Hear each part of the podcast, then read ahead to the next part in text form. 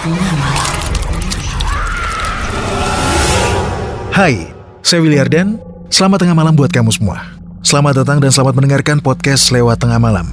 Podcast ini menghadirkan cerita dan kisah misteri mengenai pengalaman horor yang dikirimkan oleh teman tengah malam. Tapi, yang lebih luar biasanya pembuatan podcast ini dibantu oleh rekan kami Anchor. Anchor bisa bantuin kamu ngebuat podcast mulai dari rekaman, edit suara, tambahin lagu, backsound, semuanya bisa kamu lakukan sendiri dalam satu aplikasi. Serunya lagi, aplikasi Anchor ini gratis buat kamu. Bisa di-download langsung dari App Store dan Play Store, atau bisa juga diakses dari website www.anchor.fm. Lewat Tengah Malam.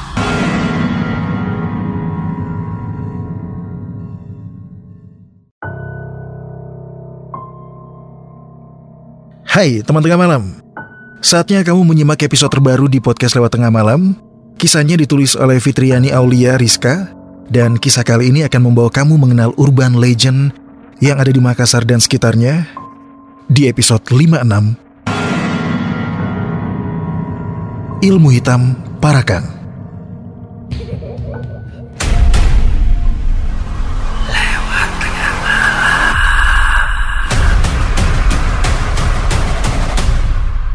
Kisah ini saya alami di tahun 2015.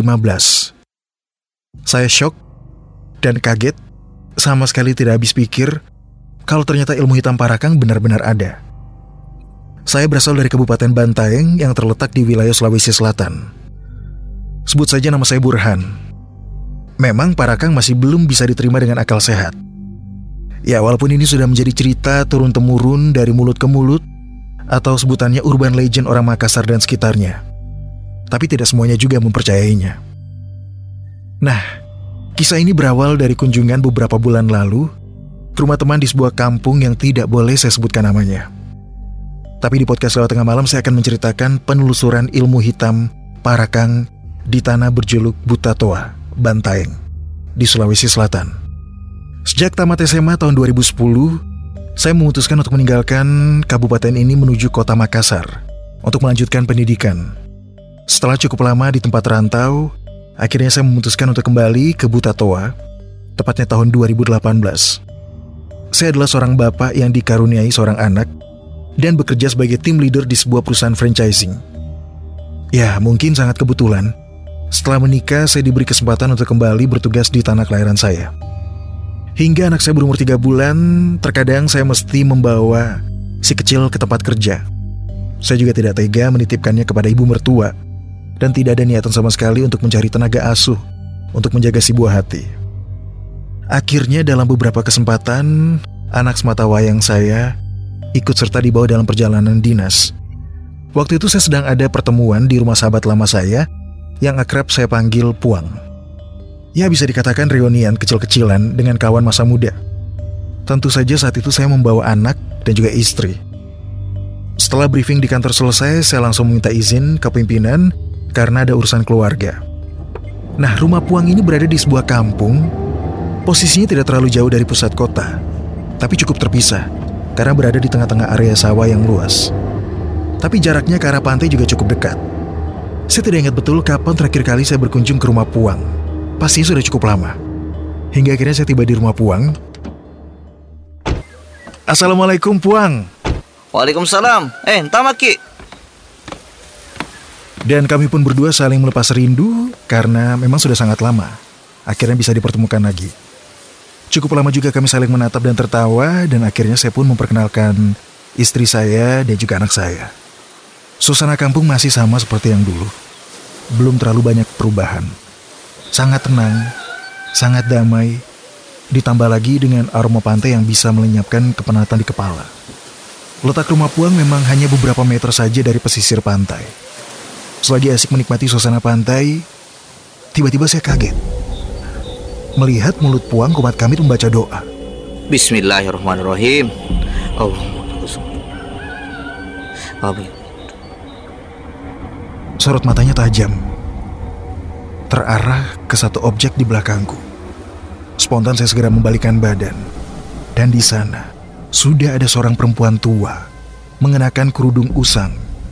Tersenyum tanpa sebab. Tapi kemudian dia berlalu meninggalkan kami semua. aneh. Iya, suasananya sangat aneh saat itu. Saya sama sekali tidak mengenal perempuan tua itu. Tapi anehnya dia tersenyum. Kenapa juga? Puang tiba-tiba saja membacakan doa. Oh iya, Puang ini juga termasuk orang yang sangat peka dengan hal-hal yang gaib, sangat sensitif. Dulu saat masih sekolah, setiap kali ada anak yang kesurupan, pasti Puang yang pertama membantu saat anak-anak kerasukan makhluk gaib. Tapi, siapa perempuan tua misterius yang tadi melintas di belakangku? Puang kemudian mengajakku masuk ke dalam rumah. Dia mempersilahkan kami duduk, dan ternyata waktu itu memang hanya kami sekeluarga yang datang. Sebenarnya janjian dengan tiga orang kawan lainnya, tapi rupanya mereka beralasan sedang sibuk. Sejak kemunculan wanita tua itu, bayi kecilku mulai rewel. Puang menangkap gelagat yang bingung di wajahku. Istriku terlihat cemas.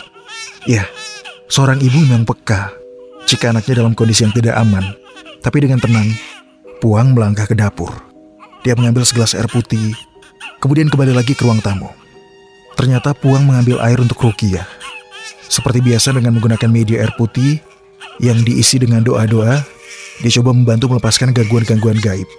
Air itu pun kemudian diminum istriku. Sisanya dipercikan ke seluruh tubuh bayi kami. Puang segera menenangkan saya yang memang sangat gelisah dari tadi. Saya juga sama sekali tidak tahu apa yang terjadi. Kenapa istri dan bayiku sampai mengalami kejadian seperti ini?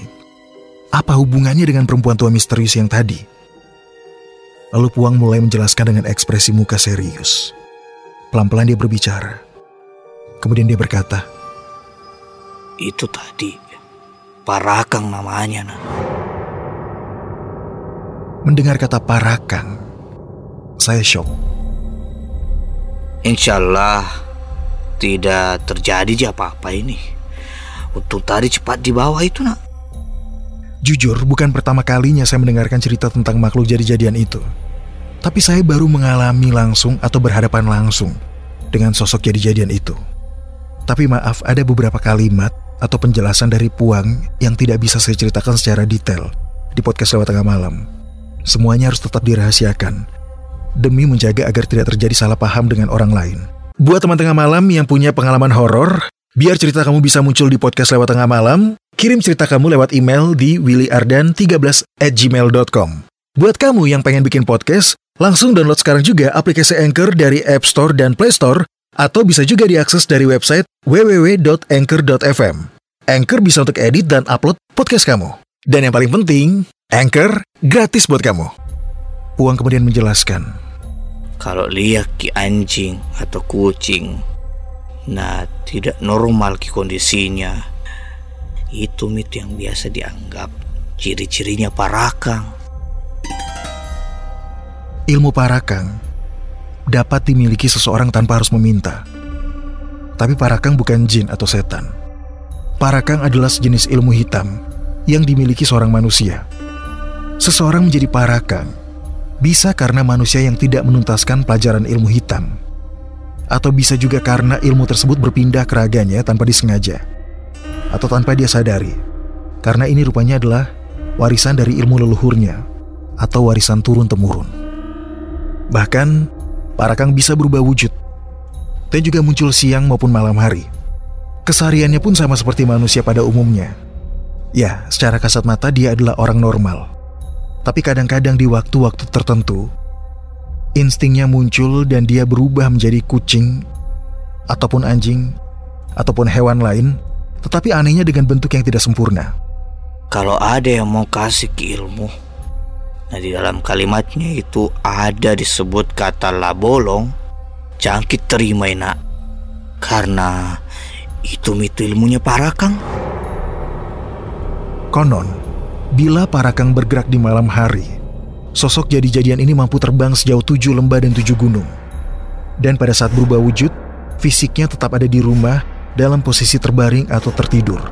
Hanya jiwanya yang bergerak keluar untuk mencari mangsa. Ada juga yang bilang, para kang tidak pernah menyadari pada saat proses berubah wujudnya. Tahu-tahu mereka sudah berubah wujud menjadi makhluk jadi-jadian. Tanpa mereka sadari. Para kang biasanya mendatangi seseorang yang sekarat. Di rumah sakit, kamar bersalin, atau jika dia melihat bayi. Kurang lebih seperti itulah yang disampaikan oleh Puang Jangki pernah asal terima pengetahuan atau ilmu dari orang lain.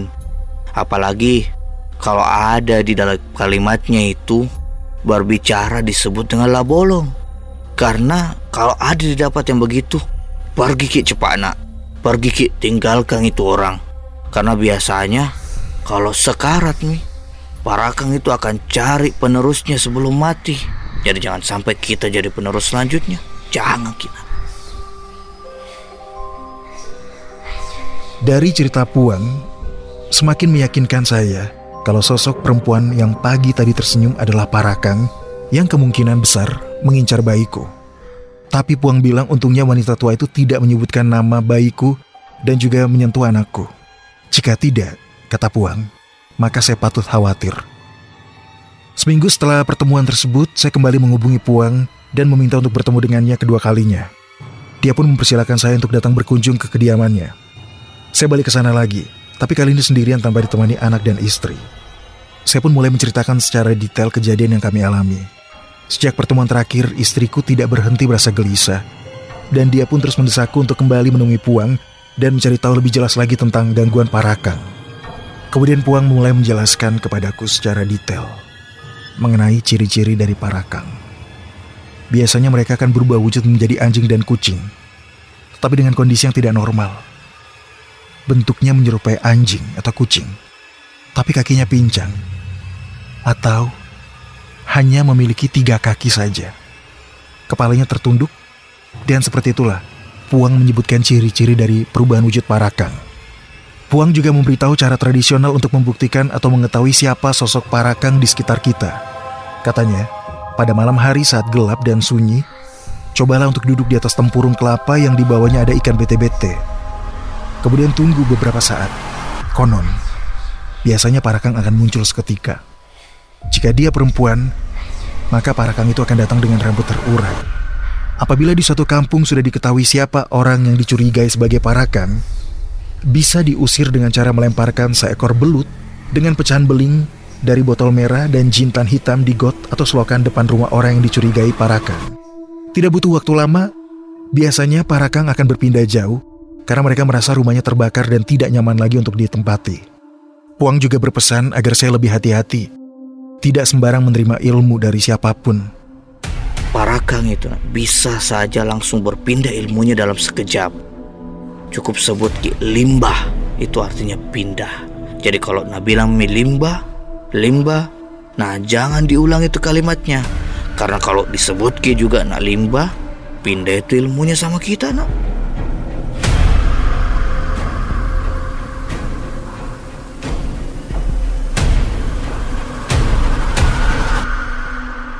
Konon itulah sebabnya mengapa hingga saat ini para kang masih berkeliaran. Hanya dengan mengulang sebuah kalimat, ilmu hitamnya akan berpindah.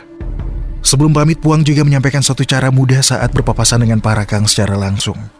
Ingat Ki baik-baik nah apa yang ku bilang ini nah. Kalau ketemu Ki Parakang, pukul Ki. Tapi cukup pukul satu kali. Jangan Ki lebih, karena kalau lebih tidak mempan itu pukulannya. Pulang makin nak. Hati-hati Ki di jalan lah. Ingat di pesanku tadi. Satu kali pukulan bisa menyebabkan luka cacat sampai meninggal pada tubuh asli manusia parakang. Tapi sebaliknya jika pukulannya lebih dari satu, maka itu tidak akan berdampak apa pun. Malah parakang bisa semakin ganas melawan. Puang juga mengingatkanku untuk selalu berhati-hati. Terlebih saat membawa bayi keluar rumah. Karena parakang bisa saja mengincar keselamatan anakku. Sampai hari ini, urban legend keberadaan sosok parakang masih diyakini masyarakat Bugis Makassar.